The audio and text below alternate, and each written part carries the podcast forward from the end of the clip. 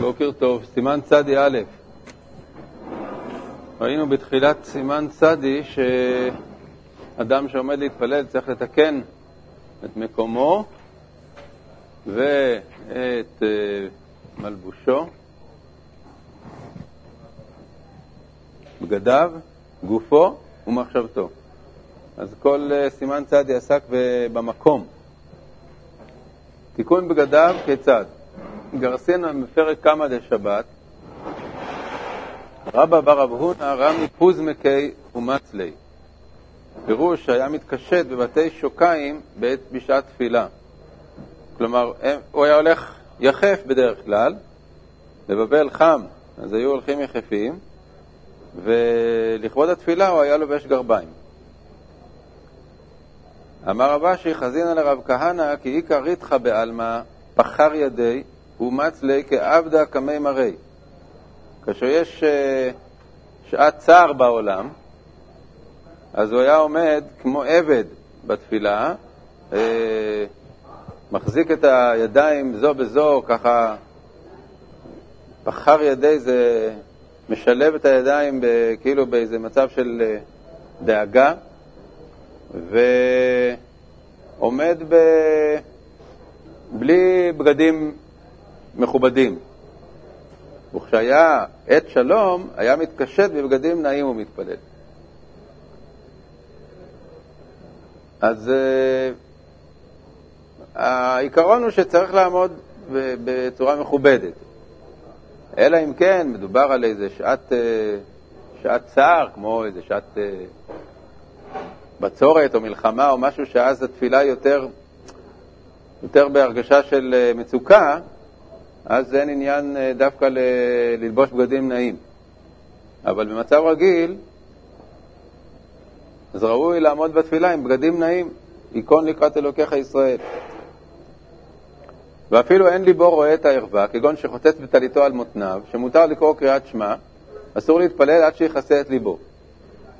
כאן הוא מדבר מצד עיקר הדין, המינימום הדרוש, דהיינו שמי שאין לו בגדים נעים, הוא עומד להתפלל אה, עם חולצה ומכנסיים אה, קצרים, אז הוא גם כן אה, יכול להתפלל. אבל,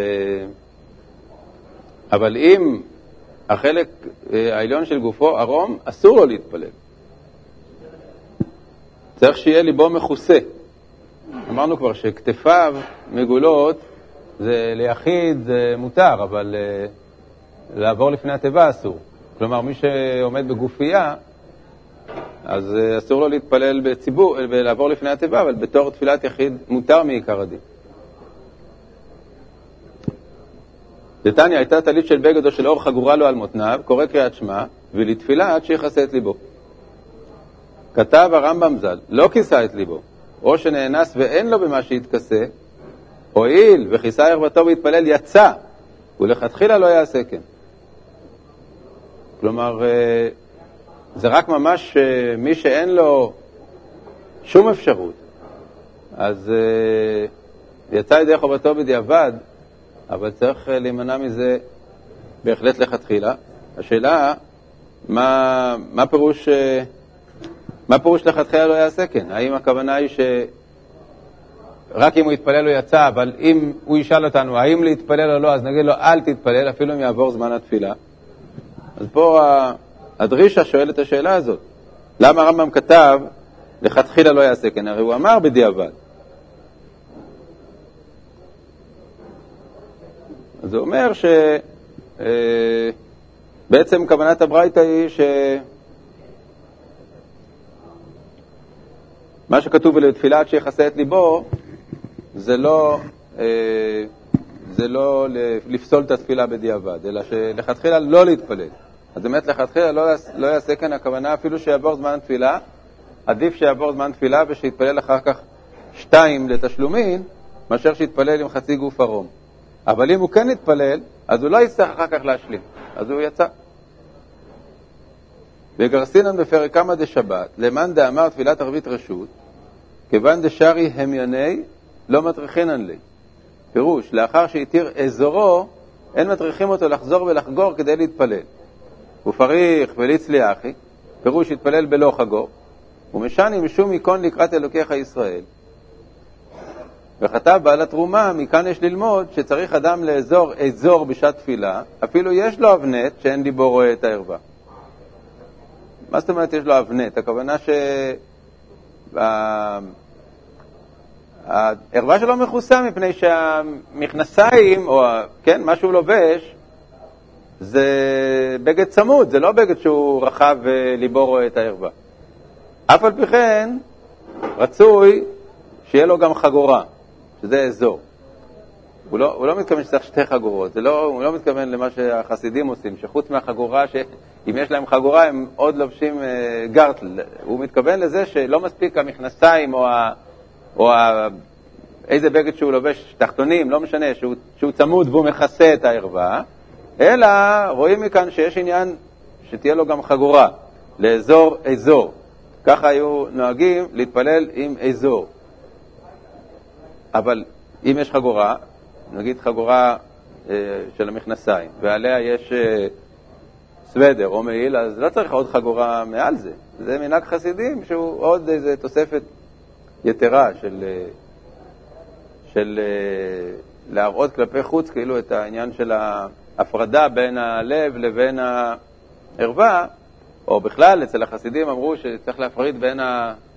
מוח והלב בין החלקים הרוחניים לבין החלקים הגשמיים. זה לא רק הערווה, גם הקיבה, המקום של המזון. אז עושים את ה... כמו, ש... כמו שהכוהנים במקדש, יש להם אבנט על הכותונת, אז כך אה, אה, אצל החסידים נהגו שיש אה, אבנט חיצוני, בלי קשר לשאלה אם יש לך חגורה במכנסיים. אבל מה שפה כתוב זה שלא מספיק המכנסיים, דהיינו, זה לא מספיק שהערווה מכוסה, אפילו יש לו אבנט שאין ריבו רואה הערווה, הכוונה ש, שהבגד שלו הוא צמוד לגוף. אין מצב שהלב רואה את הערווה, אבל בכל זאת יש עניין של חגורה. והחגורה זה לכבוד, זה כאילו בן אדם שהולך עם אה, בגד עם חגורה, מכנסיים עם חגורה זה יותר אה, מכובד. אז לכן כשהיו אה, יושבים לאכול והיו מתירים את החגורה, אז כתוב ש... שלא יעמוד ככה להתפלל, כי יותר מכובד שהוא מתפלל בצורה שהוא הולך ברחוב עם חגורה. ויכסה ראשו. כיסוי הראש זה כמובן אומר שבלא התפילה זה לא חיוב מצד הדין, אבל בזמן התפילה חייבים לכסות את הראש. עכשיו, יותר מאשר חייבים, חייבים לכסות את הראש uh, ב... באופן המינימלי יש עניין של בתפילה, בן אדם שהולך למקום מכובד, אם הוא לובש כובע ולא כיפה, אז שגם בתפילה יעמוד עם כובע. זה תלוי במנהג, תלוי בפועל, בהתנהגות שלו. אם נגיד אדם הולך לפגישה חשובה עם איזה אנשים חשובים, אז הוא לא יבוא עם כיפה, כן? אה, יש אנשים שהם הולכים תמיד עם כובע, אה, והם אה, עם כיפה, הם יושבים בבית. או באיזשהו מקום שהם נחים, אבל לא במקום שהם הולכים רשמית לאיזה מקום. אז גם כשהוא עומד בתפילה צריך ללבוש את הכובע. מי שהולך גם ברחוב וגם לפגישה עם, אה, עם שר או עם ראש הממשלה, הוא הולך עם כיפה, אז הוא גם בתפילה יכול לעמוד עם כיפה. הוא הדין גם לגבי העניין של האזור, אז, אז גם כן כתוב שמי שאף פעם לא, לא לובש חגורה, אז הוא לא צריך ללבוש חגורה במיוחד בשביל התפילה. אם אף פעם הוא לא לובש חגורה. אבל בן אדם שהלבוש המכובד שלו זה עם חגורה, אז הוא צריך להקפיד שגם בתפילה יהיה לו חגורה.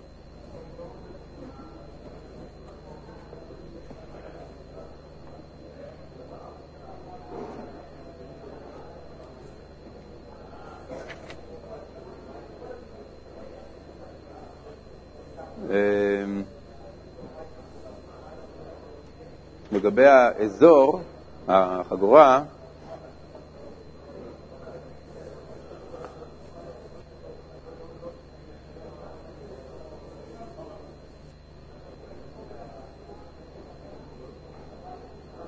אומר המשנה ברורה, זה דווקא מי שרגיל כל היום בחגורה. אבל מי שהולך כל היום בלא חגורה, גם בשעת תפילה אני צריך לחגור. כלומר, זה, יש אנשים שלא, שהולכים עם מכנסיים בלי חגורה, כל, בכל מקום, לא, לא, אין להם עניין שהם כאילו יותר מכובד אה, הלבוש שלהם עם חגורה, אז גם בתפילה הם לא חייבים. לגבי כובע, אה, לגבי כובע, הוא אומר,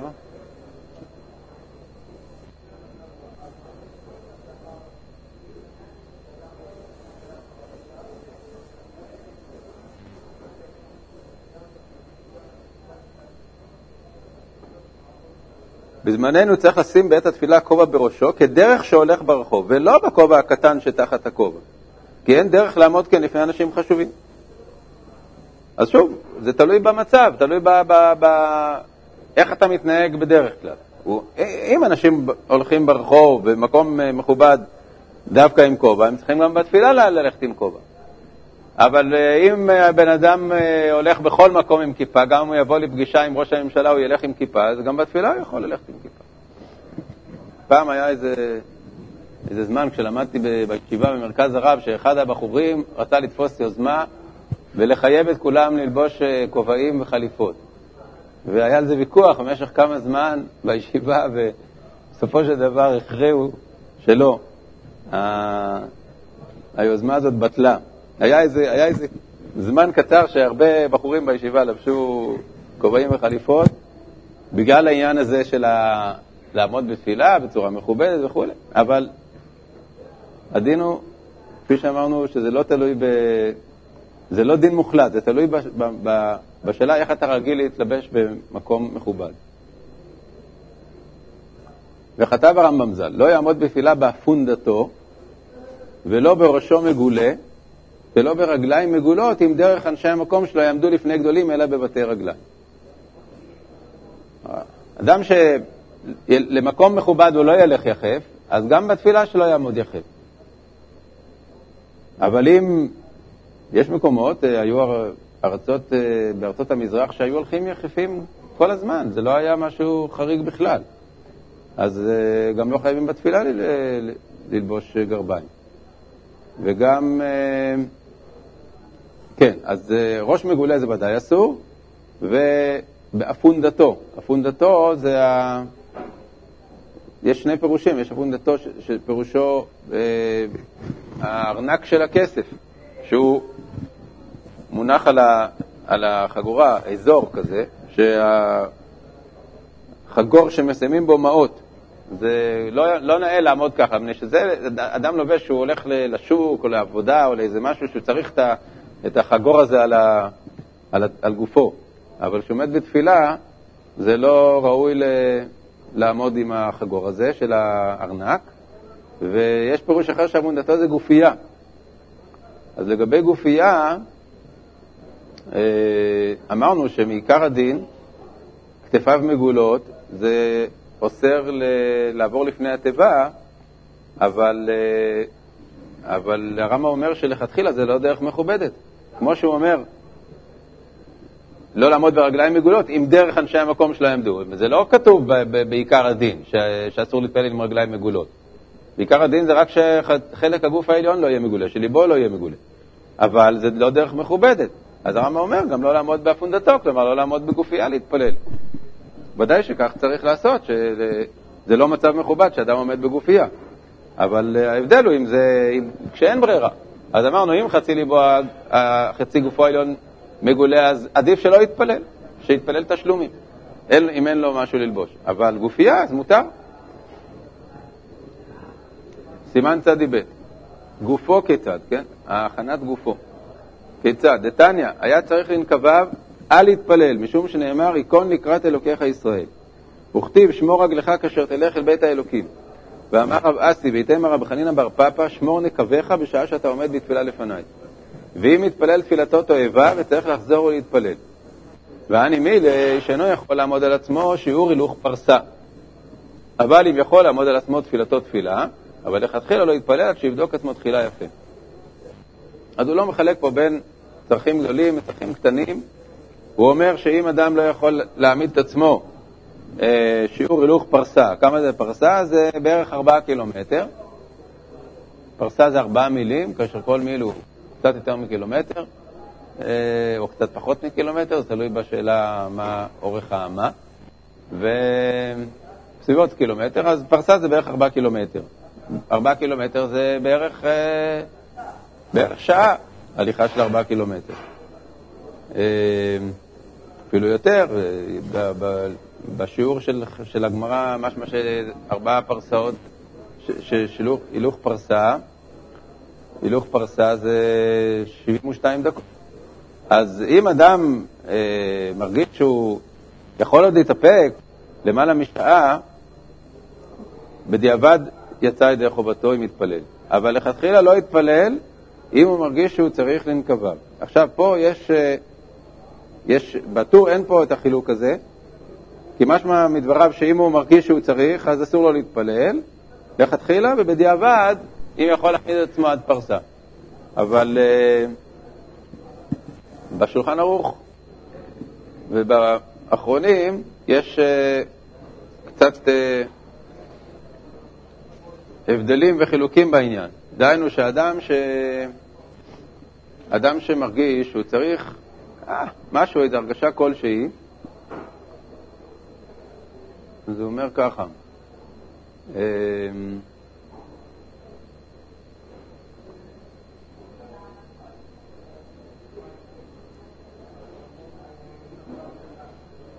לגבי הלכתחילה,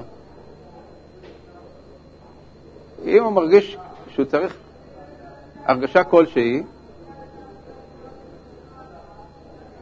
ואם הוא יתחיל לחפש שירותים וכולי, אז יעבור זמן התפילה, אומרים האחרונים שמותר להתפלל.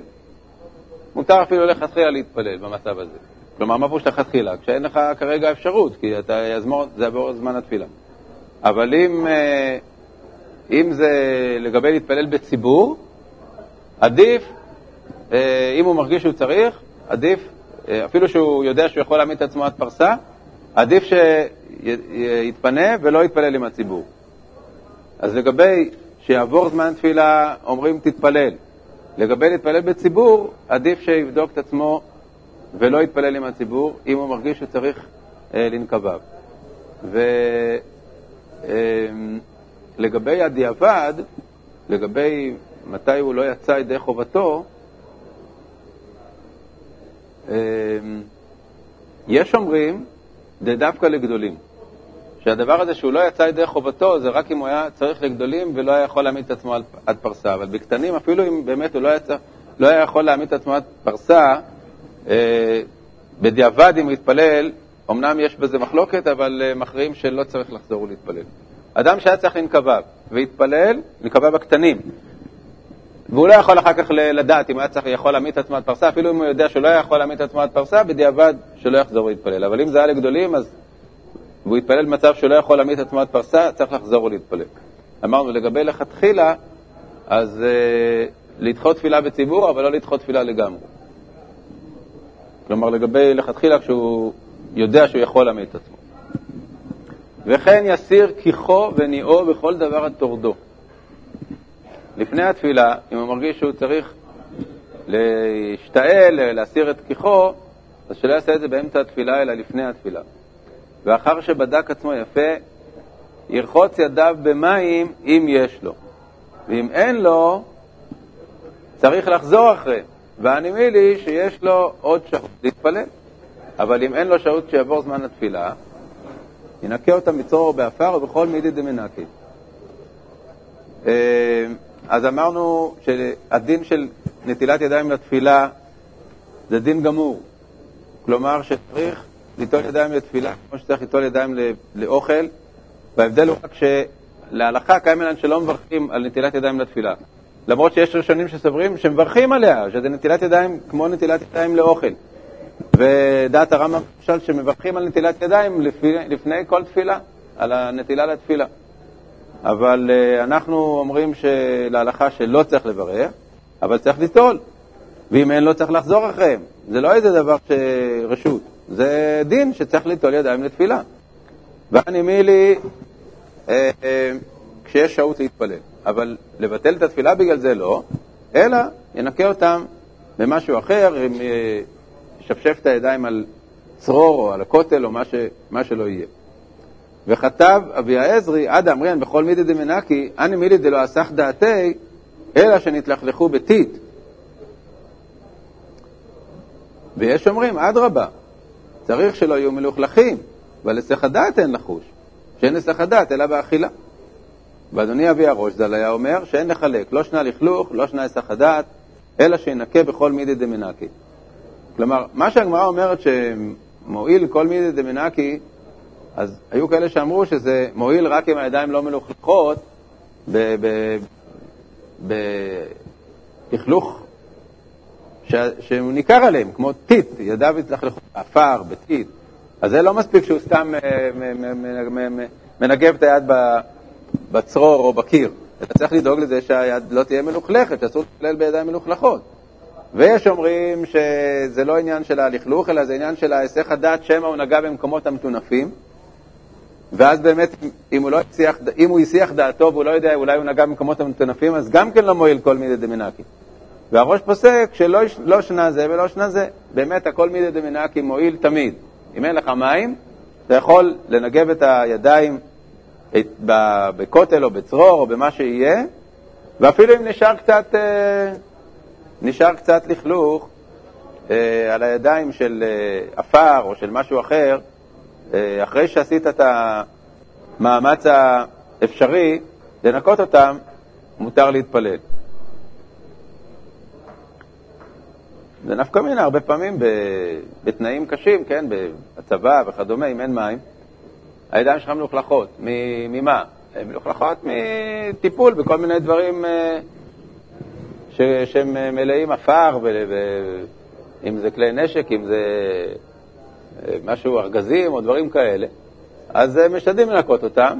אפילו אם נשאר קצת עפר או אבק על היד, זה לא פוסל את האדם מלהתפלל, כן.